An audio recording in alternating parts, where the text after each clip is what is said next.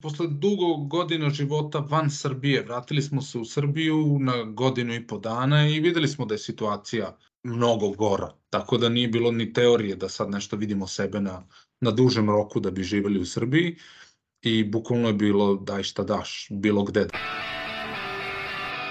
Plaćamo izuzetno visok porez, to je skoro 40%, ali, ali opet za taj porez znamo šta dobijamo. Dobijamo čiste ulice, dobijamo prazne kontejnere, dobijamo asfaltirane puteve, grejanje, infrastrukturu, sportske klubove, bolnice. Pazite, ako mi padne 75% studenta, onda, onda sam i ja kao profesor pao. Znači da, ih, znači da ni ja nisam uspeo da ih naučim.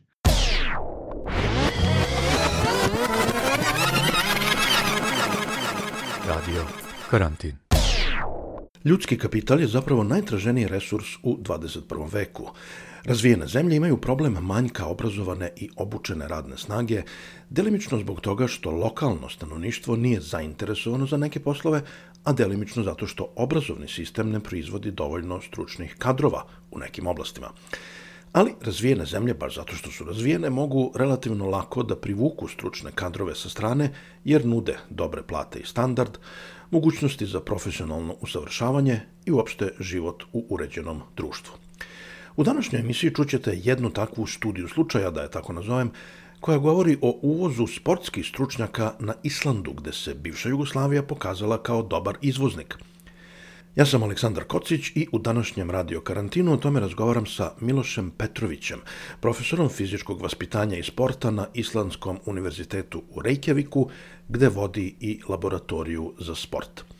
Nego, kad ste već ovde, moram da vas zamolim i za malu pomoć. Sa nama novinarima je kao sa lekarima. Nekada mislite da smo obraženi i arogantni, puni sebe, a onda se setite da vam ipak trebamo, da smo korisni. E, ali za razliku od lekara, mi koji pravimo ovaj podcast i sajt, nismo na plati, ne radimo ni za državu, ni za surovog privatnika. Nama treba vaša novčana pomoć da bi mogli dalje. Mi smo mala, neprofitna organizacija od dva člana i potrebna nam je vaša pomoć. Svaka vaša donacija puno nam znači da pokrijemo troškove nabavke neophodne tehnike, postavljanja podcasta, održavanja sajta i promocije. I najmanja pomoć znači nam mnogo. Možete da nam pomognete jednom ili na redovnoj nedeljnoj ili mesečnoj osnovi. Možete da nam date 1 evro, dolar, funtu, dinar ili šta vam zgodno, a može i 100. Jednostavno je i ne oduzima puno vremena. Informacije su na našem sajtu radiokarantin.eu u rubrici o nama ili na bilo kojoj drugoj stranici. Hvala.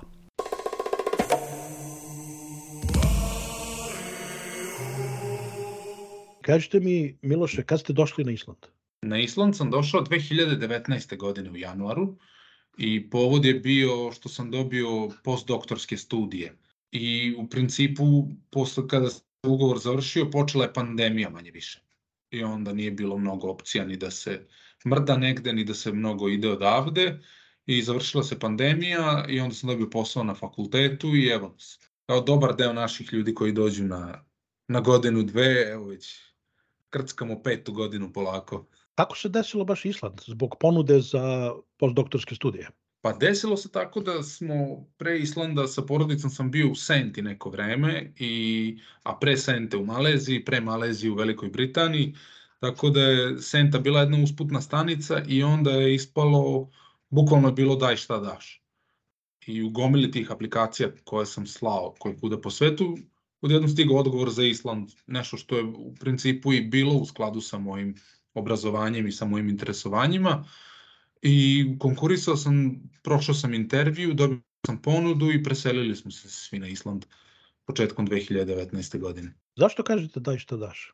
Pa jednostavno, posle dugo godina života van Srbije, vratili smo se u Srbiju na godinu i po dana i videli smo da je situacija mnogo gora i mnogo, mnogo, mnogo strašnija. Tako da nije bilo ni teorije da sad nešto vidimo sebe na, na dužem roku da bi živeli u Srbiji i bukvalno je bilo daj šta daš, bilo gde da se ode samo da, e, da se živi malo normalnije, malo dostojanstvenije, malo stabilnije. Ja kad pričam sa ovde ljudima, ja sam u Britaniji, pa dok sam živao u Španiji, dobro, u Španiji je možda malo sličnije kao u Srbiji, ali ovde isto ljudi se sele, odlaze drugde, ali nije ono daj šta daš samo da odemo odavde. A nas sa Balkana nekako uvek to obeležava. E, daj samo da odem, ovde je neizdrživo.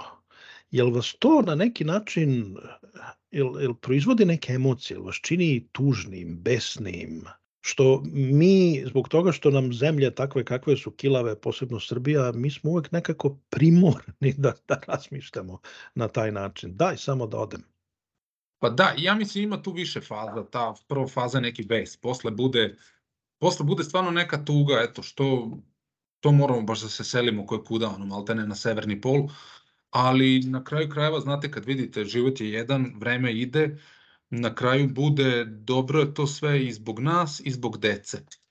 Jer ostavljamo deci bar neku perspektivu, jer očigledno da u Srbiji neće biti bolje, nažalost, ne izgleda, to jest ne ide u dobrom pravcu, ajde. Bavim se naukom i nekim i nekim pretpostavkama i nekim procenama i na osnovu iskustva i životnog i, i, i naučnog mogu da kažem da definitivno trend ne ide, da, da, da u jednom momentu vidim da će krenuti kontra pa da se ljudi vraćaju u Srbiju.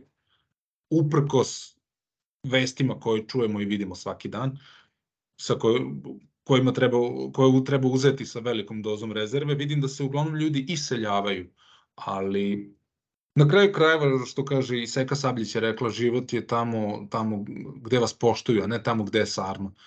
Znate, to je... Ovaj... Otačbina, mislim da je. Da, da, da, da, da otačbina tamo gde vas poštuju. I to je to. Nema šta. To je... I naši preci su se selili, moji baba i deda su došli sa Kosova jedni, drugi su iz Banata. Pa su, svaka generacija se selila, svaka generacija se rodila u drugom mestu. Od mojih prababa, pradeda, do mojih baba i deda, do mojih roditelja, pa evo i moje dece. Jedno dete se rodilo u Manchesteru, dvoje dece na Islandu, tako da mislim da 21. vek je svet je postao globalno selo. Pogotovo sa strane moje supruge, oni su, ona iz Argentine, i oni pokušavaju da, da iskopaju odakle ko došao, pa je sa mamine strane su došli iz Italije, sa tatine strane neka teorija iz Španije, iz Portugala, iz ko zna odakle. Tako da u principu, pogotovo ovih dana, avionom se stigne svugde za 10, 12, 15 sati bez problema. Kakve ste predstave imali o Islandu e, kad ste konkurisali? I šta ste zatekli? Jeste, nek, jeste bili mnogo zatečeni ili ste otprilike videli i zatekli ono što ste očekivali? Pa recimo da nisam imao nikakve predstave. Znao sam da je daleko, da je hladno, znao sam da dobro igraju rukomet i to je manje više bilo to. Međutim, onda pre nego što smo se preselili kompletno sa koferima, supruga i ja smo došli ovde na četiri dana i bili smo onako prilično iznenađeni šta smo videli. Jedna mala skockana sredina, glavni grad koji je veličine, recimo Subotice, ajde, možda malo veći, ali izuzetno čist grad, izuzetno sređeno, zategnuto. Vidi se da, da, se, da se vodi računa o tome. To je bila ta predstava. Naravno, izuzetno hladno, pogotovo što smo mi došli prvi put da vidimo to, bio je, čini mi se, kraj oktobra. Pa je, pa je i klima bila, naravno, oštrija, Um, ali to je bio, bio neki prvi utisak. Putovali smo dosta pre toga i po ostalim skandinavskim zemljama i onda je to manje više bilo slično slična arhitektura, slično uređenje grada, čisto. To mislim da je onako, to je bio prvi, prvi utisak, izuzetno čisto, um, kao što sam već rekao, sve zategnuto, umincano, ofarbano, nije ništa da je propalo, ronulo, znači vodi se računa o tome i baš, baš. Kad kažete hladno, šta znači hladno. Jer ja sam ovde u Škotskoj, pa onda ljudi isto često misle, ja, kod vas mora da je mnogo hladno, ove, nije, rekao, ovde ni, redko kad je ispod nule, mi nemamo četiri godišnja doba, ali nije mnogo hladno. Pretpostavljam da je kod vas hladnije. Hladnije, hladnije jer se nalazimo na, na samom okeanu i onda samim tim u principu vetar uvek pravi problem. Znate, može da se desi da bude kao za novu godinu minus 18 stepeni, ali da nema vetra i da kažete ok je, a može se desiti da bude plus 5 stepeni, ali da duva vetar sa mora i da uteruje led u kosti, bukvalno.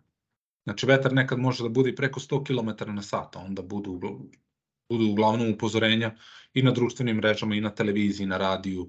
Vežite trampoline, vežite baštenski nameštaj, vežite roštilje, jer ko to ne uradi, vidi se onako. Puno puta je bilo da vidimo da odleti trambolina, odleti roštilj negde. Znate, sa velikom mukom se zatvaraju vrata od kola. Morate da držite dete, dete za ruku izuzetno čvrsto. U tom smislu hladno. Hladno da kada krene, evo unutra kao što sad, dobro, vi vidite da sam u kratkim rukavima, grejanje radi dobro i to je, to je ogromna prednost. Ali hladno u smislu da je cele godine hladno, i leti i zimi.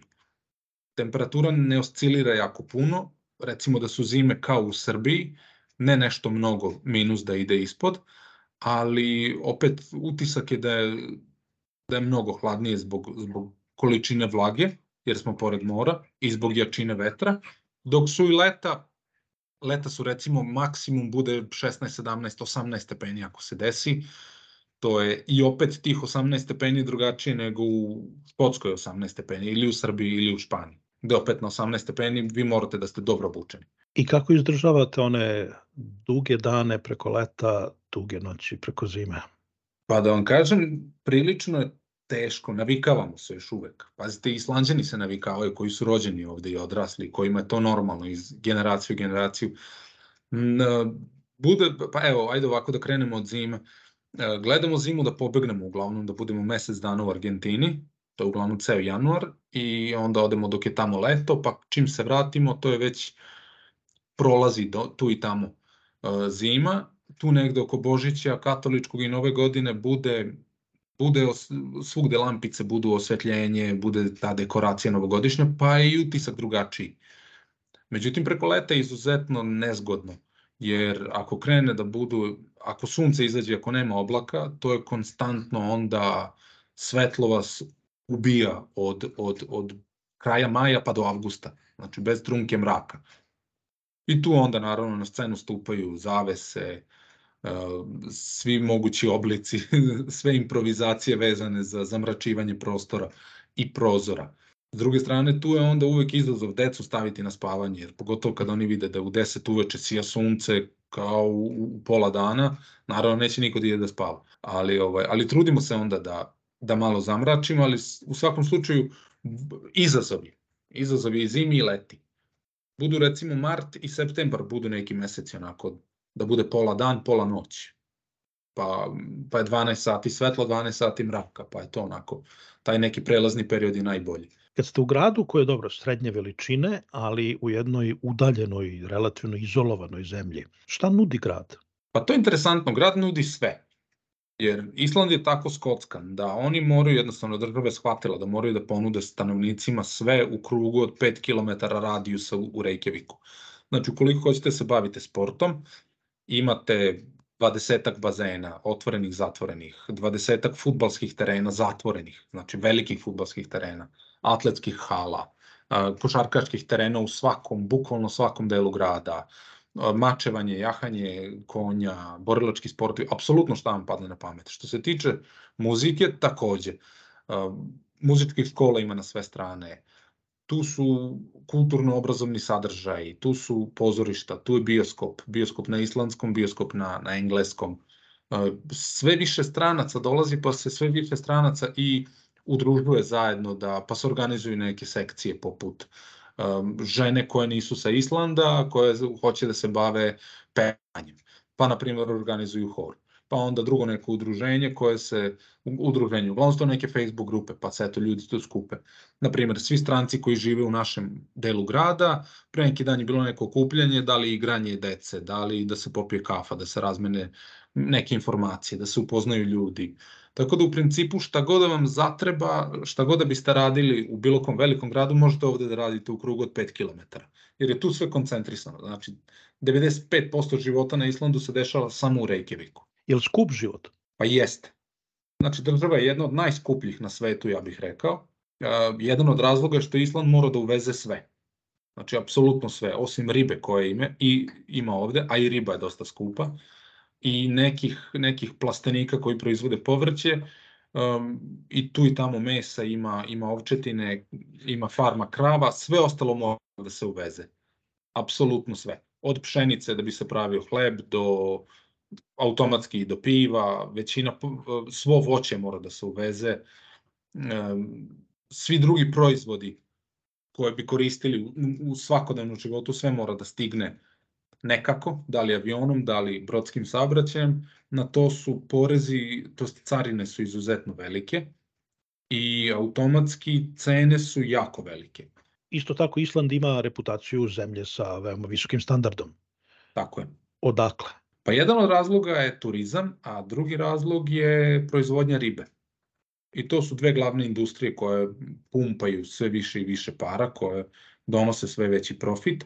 Automatski dolazi sve više ljudi da, da radi, sa sve više ljudi koji dolaze da rade, potrebe za poslom su sve veće.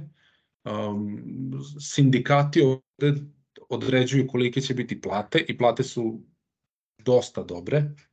Znači na Islandu nema, nema sirotinje, nema, nema onog najsiromašnijeg sloja ljudi, to ne postoji. Srećom to je iskorenjeno, a razlog je taj što su, što su plate dobre. S druge strane, plaćamo izuzetno visok porez, to je skoro 40%, ali, ali opet za taj porez znamo šta dobijamo. Dobijamo čiste ulice, dobijamo prazne kontejnere, dobijamo asfaltirane puteve, grejanje, infrastrukturu, sportske klubove, bolnice, domove zdravlja, zabavišta, škole. Znači, vidi se gde odlazi taj novac od, od poreza. Koliko je bezbedan grad? Pa grad ne može biti bezbedniji. Znači, ja mislim da je apsolutno naj, jedno od najbezbednijih mesta koje sam ja video, a proputovao sam dosta toga. U smislu da deca mogu da budu na polju, da mogu da idu sami na sport, da se voze, da, da, da, da, da voze biciklo, da idu do škole, da se druže, da bez prisustva roditelja, naravno. I s druge strane, sredina je mala i svi se znaju.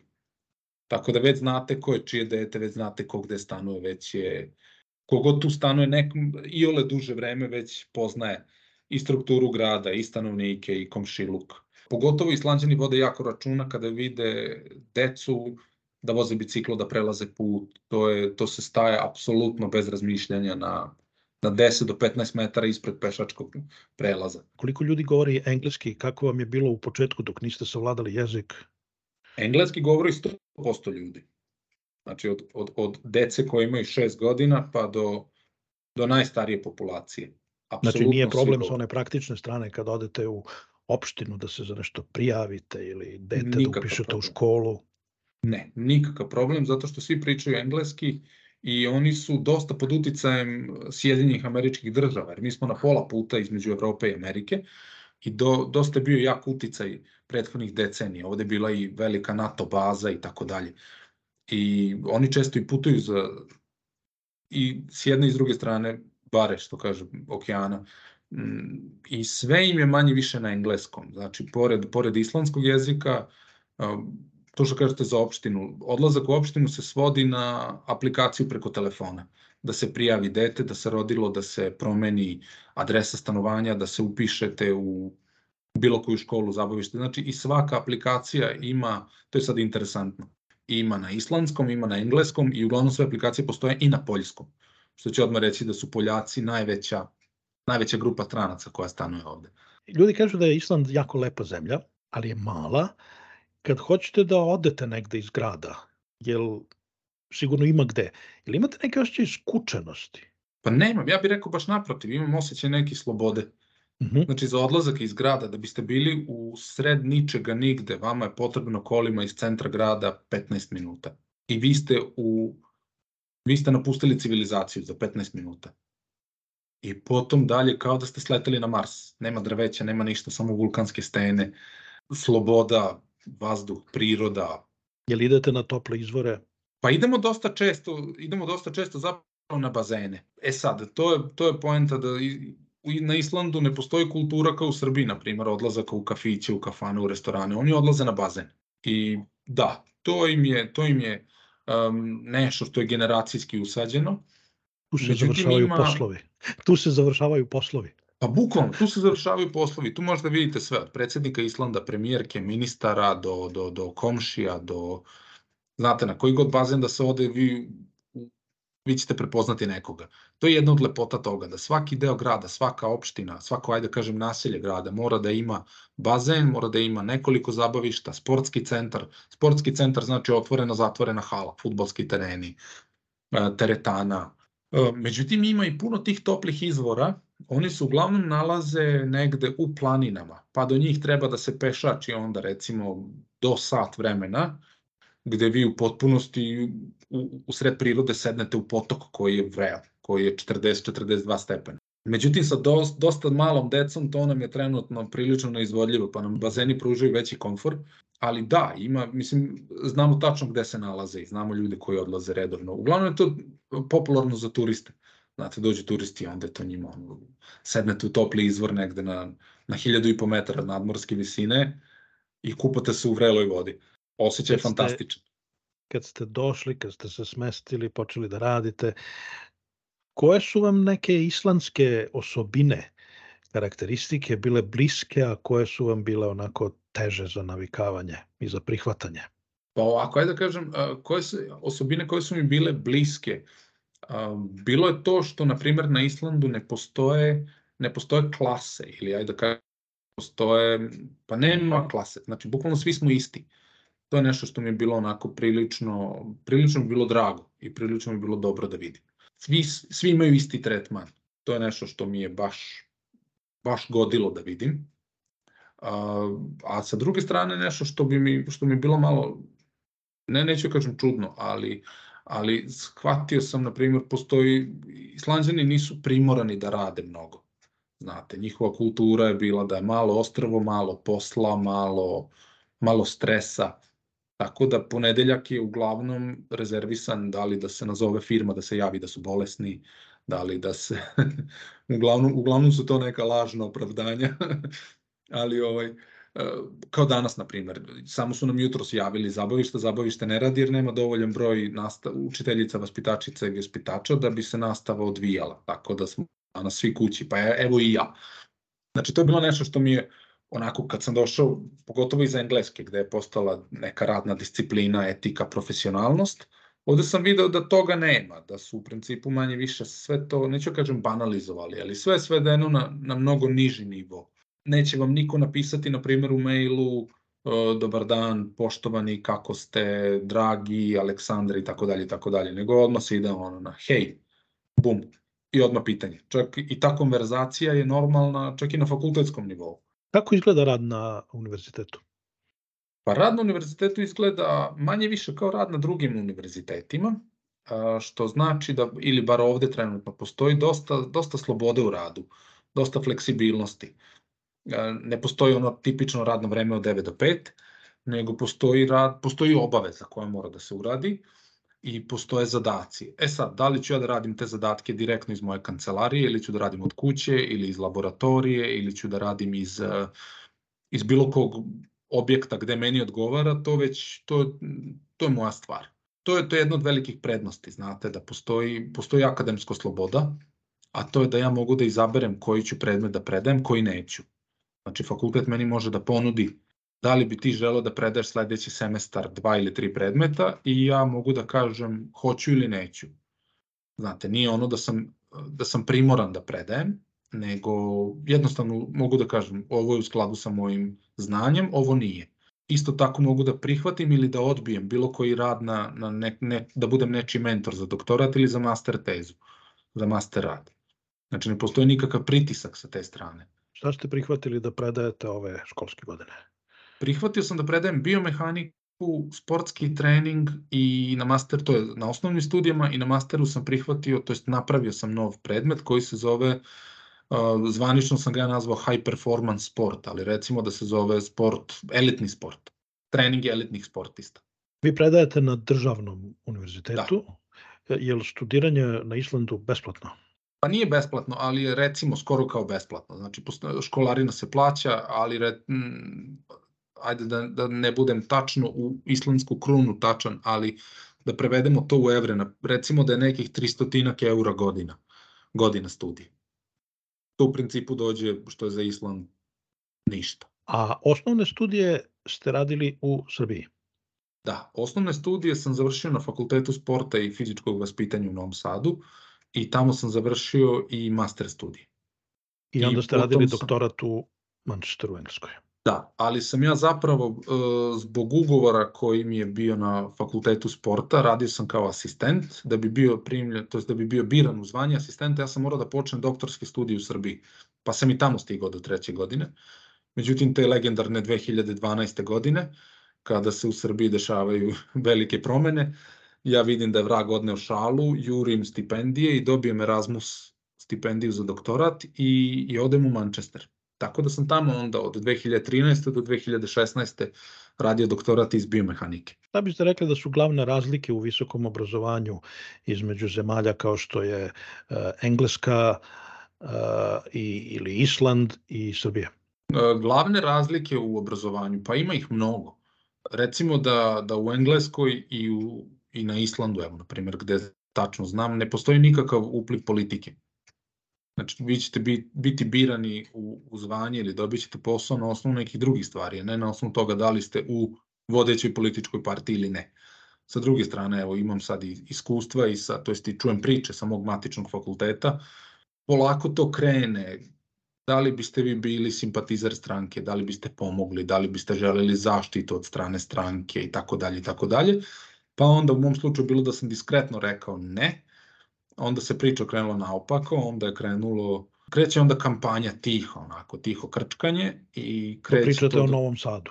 Da, i to onda kreće sve jače i jače i jače, međutim onda se dobra stvar desila da sam ja dobio stipendiju i da sam samo napustio jednostavno fakultet. To je recimo jedna od glavnih razlika, da, da je sve vezano, nažalost, da li pripadate određenom klanu ili ne. Druge strane, moram da kažem da i taj moj fakultet koji, koji mnogi smatraju zaista da je da je lako završiti i tako dalje. Nije uopšte lako završiti, ali moram da kažem da, se, da je znanje koje se dobije na mom faku, matičnom fakultetu u Novom Sadu, to je fakultet sporta, da je znanje primenljivo. Istog dana kada se diplomira, vi možete krenete da zarađujete sami svoj hleb, tako da se izrazim. I s te strane mislim da su osnovne studije mnogo jače bile u, u Srbiji nego, nego u Engleskoj i, i na Islandu. Govorim za moju oblast. Za druge oblasti ne mogu da kažem, jer nisam studirao, ali u mojoj oblasti mislim da je, da je, da je baza znanja mnogo jača i mnogo bolja. Što sa, s druge strane i, rezult, i uspesi u sportu nam govore da jednostavno u Srbiji se proizvode dobri treneri, dobar kadar, stručan kadar. Sa druge strane, što, što se tiče nauke, tu Srbija kaska. Nauke u sportu.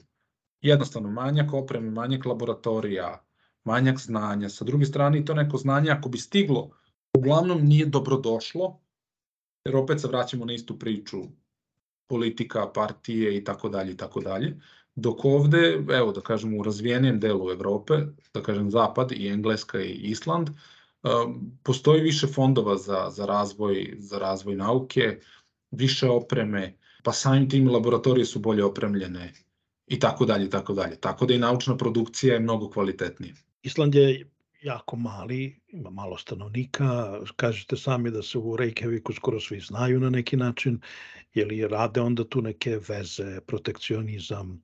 Jer evo ja sam u maloj Škotskoj koja je doduše mnogo veća od Islanda, ali je ipak mala, pa se vidi, nije, nije baš idealno. Ipak zna se ko je ovde s kim prijatelj, ko je iz kog klana, ko će kome malo nešto da namesti. Nije to ništa strašno, ništa što mnogo bode oči, ali nije da ne postoji. Pa, pa isto i ovde rekao bih da poznanstva igraju veliku vezu. To jest, poznanstva igraju veliku ulogu. Bitno je koga znate i pri zapošljavanju na fakultet i, i pri mnogim drugim stvarima. Međutim, s druge strane, to je i za nas strance je to dobro, jer se i stranci lakše povežu. Znate, i mnoge stvari mogu da se završe neformalno, u smislu da postoji negde neki konkurs ili postoji negde neki posao ili postoji neka šansa za neko zaposlenje, koje neće proći kroz zvaničan sistem oglašavanja, kroz zvanične sajtove, fakultetske sajtove, nego će više biti ja znam vas, vi znate nekoga i, ili neko zna nekoga, pa će tako da se uđe na, na mala vrata. Znači, toga ima i ovde, ali rekao bih da, da većina ima šansu. Ja sam u Srbiji samo studirao, a posle sam počeo da predajem na univerzitetu, prvo u Španiji, pa sada u Škotskoj. E, tako da gledam sad sa te druge nastavničke strane i ja često i kažem mojim studentima ovde moraš puno da se trudiš da bi dobio zaista visoku ocenu i isto tako moraš puno da se trudiš da bi pao. Jer zaista nije lako pasti. A sećam se, bar dok sam ja studirao u Srbiji na Prirodno-matematičkom fakultetu, e, bilo je jako lako pasti. I to je jedna od stvari koje su mene demoralisale i ovaj, umeđu vremenu sam napustio. Pa sam se posle prekvalifikovao. Kako je na Islandu? Pa recimo da je slično. U principu na Islandu nije popularno biti nastavnik koji jako puno traži. Znate, postoji veliki, pogotovo sa sve većim uh, zahtevima za posao, za radnicima. Islandu fali jako, to jest nedostaje jako puno radnika u svim oblastima. I onda automatski nije popularno biti profesor koji će da obori sada jako puno njih na ispitu, koji će diplomirati godinu ili dve kasnije, koji će, profesor koji će da pravi problem, jer automatski nema ko da radi u školama. Tako da je sistem napravljen toliko da čim studenti zadovolje neki minimum znanja, minimum minimuma, da su već dobili prelaznu ocenu i da idu dalje. Tako da, zaista, imao sam slučaj nekoliko studenta koji su mi rekli pali su prošle godine predmet, pa sad slušaju opet kod mene i moje pitanje je bilo kako ste uspeli da padnete. Sa druge strane, moj cilj je da kao profesor, pazite, ako mi padne 75% studenta, onda, onda sam i ja kao profesor pao. Znači da, ih, znači da ni ja nisam uspeo da ih naučim. S te strane, ja uvek gledam to pedagoški, pogotovo sutra, eto imamo ispit, namestio sam tako ispit da ukoliko su dolazili studenti na vreme, a koliko su radili seminarske radove, ukoliko su zadovoljili sve to, u principu sutra će doći na ispit samo da potvrde da li je to 6, 7, 8, 9 ili 10. Koliko traju osnovne studije? Osnovne studije traju 3 godine. Kao i u Engleskoj, kod nas u Škotskoj su 4 kao u, u Srbiji. Je li imate utisak posle iskustva u, u Velikoj Britaniji i sad na Islandu, je li imate utisak da, da smo zaista svedoci onoga što se sve češće govori, da se visoko obrazovanje pojednostavljuje i, i razvodnjava, taj dumbing down, što se kaže. Da više nije onako kao što je bilo. Ovde u Britaniji, ako izuzmete onih pet vodećih univerziteta tipa Cambridge, Oxford, St. Andrews, ostalo svuda nekako kad pitate, kad pričate ko, sa kolegama i tako dalje, svi kažu to je, sve su niži standardi, sve se lakše prolazi, sve se lakše upisuje, da li je to dobro? Pa ne verujem da je dobro, ali nažalost mislim da je realnost. Mislim da se to dešava i ovde, dešava se i svugde. S druge strane, Island ima tu drugu neku problematiku da ne smeju da zaustave produkciju na fakultetima jer neće biti ko da radi, Znači, zbog toga moraju da upisuju, završavaju, upisuju, završavaju, bukvalno kao na traci. Ali generalno ne mislim da je dobro. Znate što kaže, ako svako bude imao doktorat, onda šta smo uradili? Što, kao i u ekonomiji. Stvari su vredne ako su redke.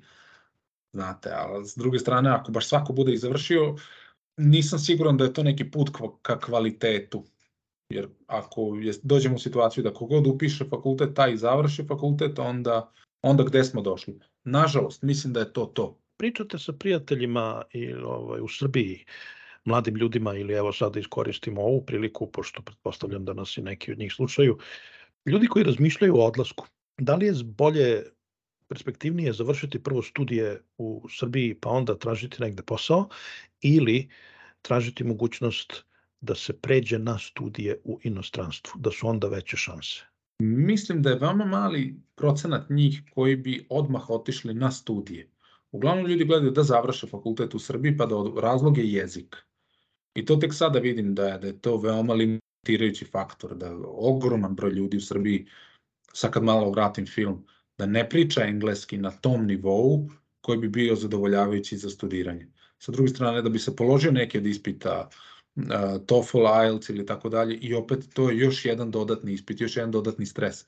Mislim da s te strane možda ove nove generacije mogu nešto da promene, koje već pričaju engleski u, u sve ranijem dobu, ali ovi ljudi kojima sam ja predavao ili ljudi moje generacije ili malo mlađi, uh, oni uglavnom gledaju da to bude fakultet da se završi u Srbiji, pa onda dalje da se juri neka perspektiva postdiplomske studije, doktorske i tako dalje.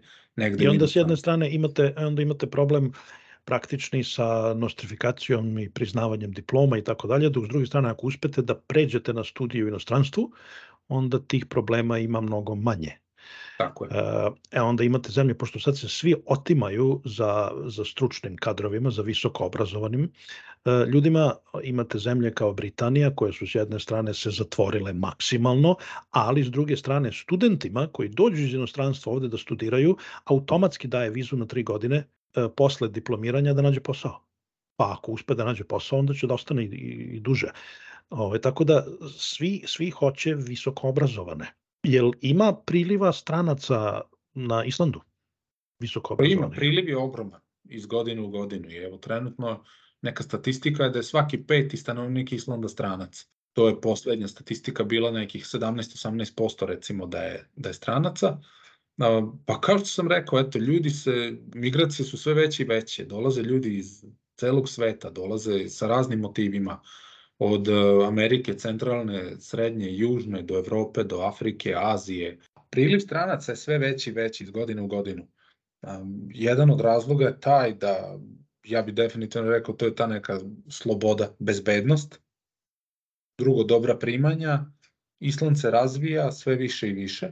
I, i kažete mi, Miloše, vi ste iz Srbije otišli u Manchester na doktorske studije. Pa onda sad, koliko, koliko je teška ta papirologija, prijavljivanje, koliko upornosti treba? Mislite da bi se dobio tražiti, posao? Da bi se dobile prvo stipendija za doktorske studije, pa posle posao. Pretpostavljam da ćete reći naravno da vredi, ali kolika je upornost potrebna? Pa potrebna je ludačka upornost, stvarno. E, opet potrebna je sreća. Mislim da je, u principu to je kao pecanje. Znate, mm -hmm. ja mhm. sam pecaroš i onda mogu da napravim i analogiju. Možete, za, možete pecate ceo dan, ništa da ne upecate. Možda dođete prvi put, zabacite i već da nešto ispadne. Ja sam pre toga konkurisao na, pa, na stotine poslova, sigurno. Od stipendija do doktorata, do poslova, do trenerskih poslova, do svega i svačega. I eto, desilo se posle godina i godina konkurisanja. Međutim, moja supruga iz kog? Iz drugog puta, ja mislim, dobila, da. Iz prvog puta dobila neku ponudu za Španiju, drugi put, bum, odmah Manchester, iz dve aplikacije. Tako da potrebna je i sreća, potrebno, naravno, zavisi od, od jako puno faktora. Ali upornost je, ja mislim, bitnija nego bilo šta drugo. Znači, za studije kao, kao i za traženje posla, što se te, često kaže, traženje posla je samo po sebi full-time job. Tako je. Da. Složio bih se 100% sa tim. S druge strane, profesija u kojoj se ja krećem je prilično specifična, tako da i s druge strane puno nas aplicira na malo, na malo poslova. To je ona priča, mala bara puna krokodila. Znate, i sad tu treba pokazati da ste najbolji ili se desi da sam prošao nekoliko puta prvi krug i drugi krug, a nisam treći. Ili odmah su me odbili, ili sam prošao prvi krug i to je to. to je... Nisam vas pitao na kom jeziku predajete? E, predam na engleskom, iako je državni fakultet i iako zahtevaju da zvanično sve to bude na islandskom, ja sam im odmah rekao, još na intervju za posao, da literatura iz koje ja predajem je na engleskom jeziku.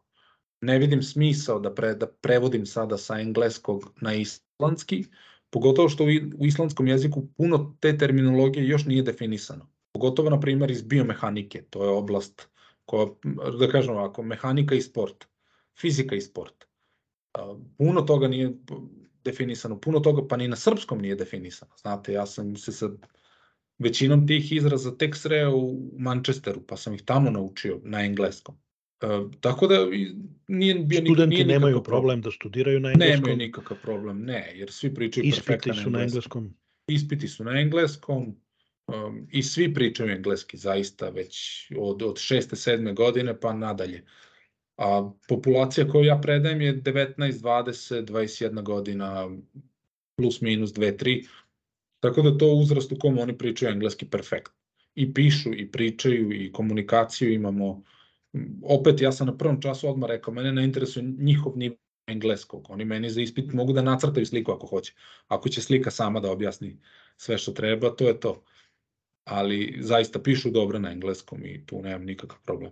I e, kakve su mogućnosti na e, univerzitetu na kojem radite, vi ste završili doktorat, vi ste radili postdoktor, šta radite postdoktorske studije, kakve su završili. mogućnosti, završili, čestitam, kakve su mogućnosti za, za naučni rad, za usavršavanje? Pa, S obzirom opet mala zemlja, da. daleko, znači na bilo kakve naučne skupove, konferencije treba sesti u avion pa leteti negde u Evropu ili dalje.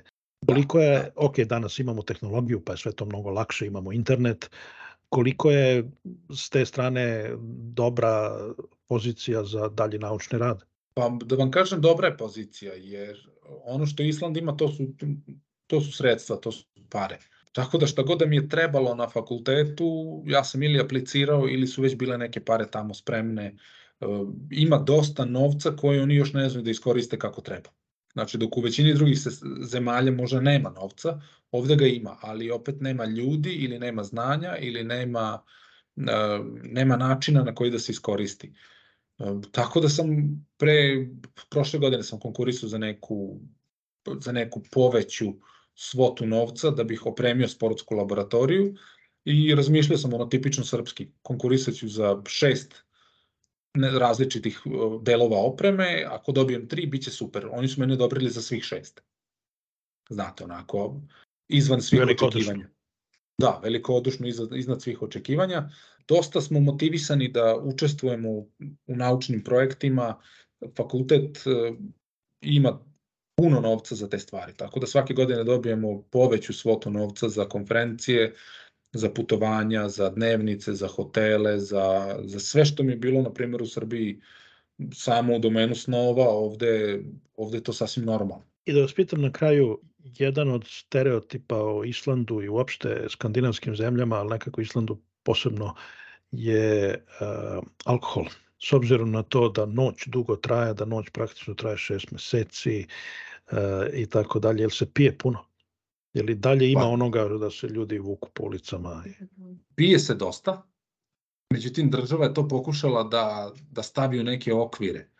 Tako da alkohol možete da kupite samo u specijalizovanim prodavnicama, to su kao, to nekad u Srbiji bio diskont pića, znači sve je stavljeno pod kontrolu države, ne možete u supermarketu da odete i da kupite, ne možete da odete kupite sad flašu vodke u supermarketu, možete kupiti jedino bezalkoholno pivo, ali u ovim specijalizovanim prodavnicama možete da kupite i to je, cene su ludački skupe, ludački zaista, mogu kažem da je, ajde, prevedem da je jedno, jedan Guinness je ovde 5 funti u prodavnici. Dok, evo, što, što sam vidio u Britaniji, to je funtu i nešto, ovde je 5. A onda država isto to ograničila kada alkohol može da se kupi. Znači, prodavnice se otvaraju dosta kasno, negde 11-12, zatvaraju se dosta rano, oko 6, subotom se isto zatvara dosta rano, dok nedeljom nema, ne može uopšte da se kupi. Jedan od razloga je da ne bi da bi smanjili broj mamurnih i pijanih ponedeljkom na poslu, pa onda nedeljom nema ništa da se kupi, sve što ste kupili do subote u šest, to je to. Znači, ono, pozvati društvo na piće da se gleda futbal ili šta ja znam, nije jeftino. Nije jeftino i zahteva ozbiljnu logistiku. Znate, nemoguće otići ono do prvog supermarketa ispred zgrade i sad, e, otiću kupit ću šest piva. Da. Ne, prilično je to koji, zahtevno. Koji sportovi su najpopularniji, dobro znam, rukomet ste rekli, šta još islanđani uh, vole da gledaju, a šta vole da, kojim sportovima vole da se bave? Pa, futbal je definitivno broj jedan. Došlo je tu do neke do, do nekog obrta, pogotovo kada su igrali uh, polufinale evropskog prvenstva pre par godina. Um, I svi pamtimo onog komentatora. Birkin kom til han, ja. Se drar fram. Ger allt öppet. Theodor Elmar är 1-1 för Evan Delvik. 4-2. Emmy får in och in. Får in och in. Emmy! Ja! Ja! Ja! Ja! Ja! Ja! Vi är Madrid! Vi är uppkomning i 16 årslet! Vi är uppkomning i 16 årslet! Vi är på Tako je, je. I futbal je, mogu kažem da na futbal ode 90% dece, i dečaka i devojčica. Ovde je ženski sport izuzetno, to jest devojčice su motivisane da igraju futbal, da igraju košarku i postoje svi klubovi i za devojčice, to je to je jedan od, jedna od velikih stvari. Uh, recimo da, ako treba da rangiram, to je futbal, rukomet, košarka i onda u 0,2% svi ostali sportovi. Prati se jako puno Premier Liga, jako puno njih su fanovi Liverpoola, jer je čak Liverpool jednom bio ovde, čini mi se, pre nekoliko godina, igrali su neku prijateljsku utakmicu, mm, ali ono što nedostaje to je, to je stručan kadar, tako da većina, većina trenera koji dolaze su, su stranci. Pa da se nadovežem na to da 98% ljudi iz naših krajeva koji dolaze, dolaze jer su nekako vezani za sport. Znači dolaze ili kao treneri ili kao igrači ili kao ja da rade na, u nekom, nekoj formi oko sporta. I uglavnom je to, kažem, skoro svi, pa da kažem, svi ljudi koje sam ja upoznao došli su ovde preko sporta. Veoma je mali broj njih došao da bi zanimljivo. radio. Da, da. Što opet vratit ćemo se na, na početak razgovora, da kažem da, da je, neću kažem Srbija, ali SFRJ da, pošto to da kažem, ceo naš region, pošto i ovde živimo svi normalno i zajedno, da imamo izuzetno jaku školu sporta. Treneri ovde koji rade su iz Hrvatske, Bosne, Srbije, kao i košarkaši, futbaleri i dobro smo kvotirani, to moram da kažem. Odlično. Pogotovo kad kažete da dolazite iz Srbije ili Jugoslavije bivše ili, ili od nekud, to je, to je, ovaj, to je uvek, uvek dobra preporuka. I, I recite mi na kraju, je li Bjork još uvek bog? Pa da, ovde nije. Ovde je interesantno, ovde niko nema status, pa ni Bjork. Aha. Video sam je nekoliko puta. Jer, mislim da je ona i dalje najpoznatija islanđanka, ne? Jeste, jeste, jeste. Živi da, na, recimo, 500 metara od nas, tu je kuća i tu možete da vidite sasvim normalno, da šeta, da ide u prodavnicu, da par puta smo videli u prodavnici, popričali malo. To je nešto što je i ona izjavila davno, da, da ona voli vezano za Island, da da ona ovde nema nikakav status, da je niko ne maltretira, da ne jure fanovi, da to je lepota Islanda, da čak i predsednika države možete vidjeti da igra futbol ovde u hali pored naše kuće. Vozi čovjek svoj auto, nema obezbeđenje. Premijerka isto. Žive život kao vi ili ja. Imaju svoje obaveze, voze decu na, na treninge u školu.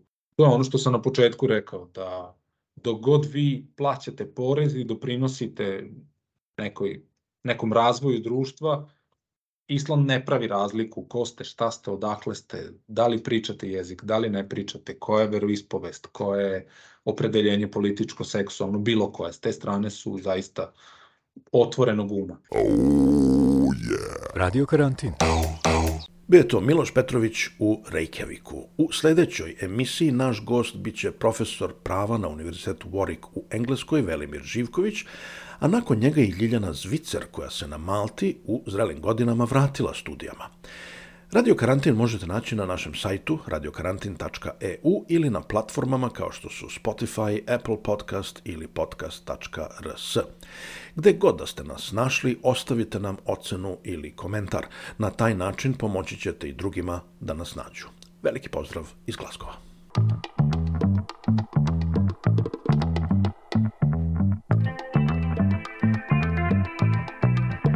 Radio Karantin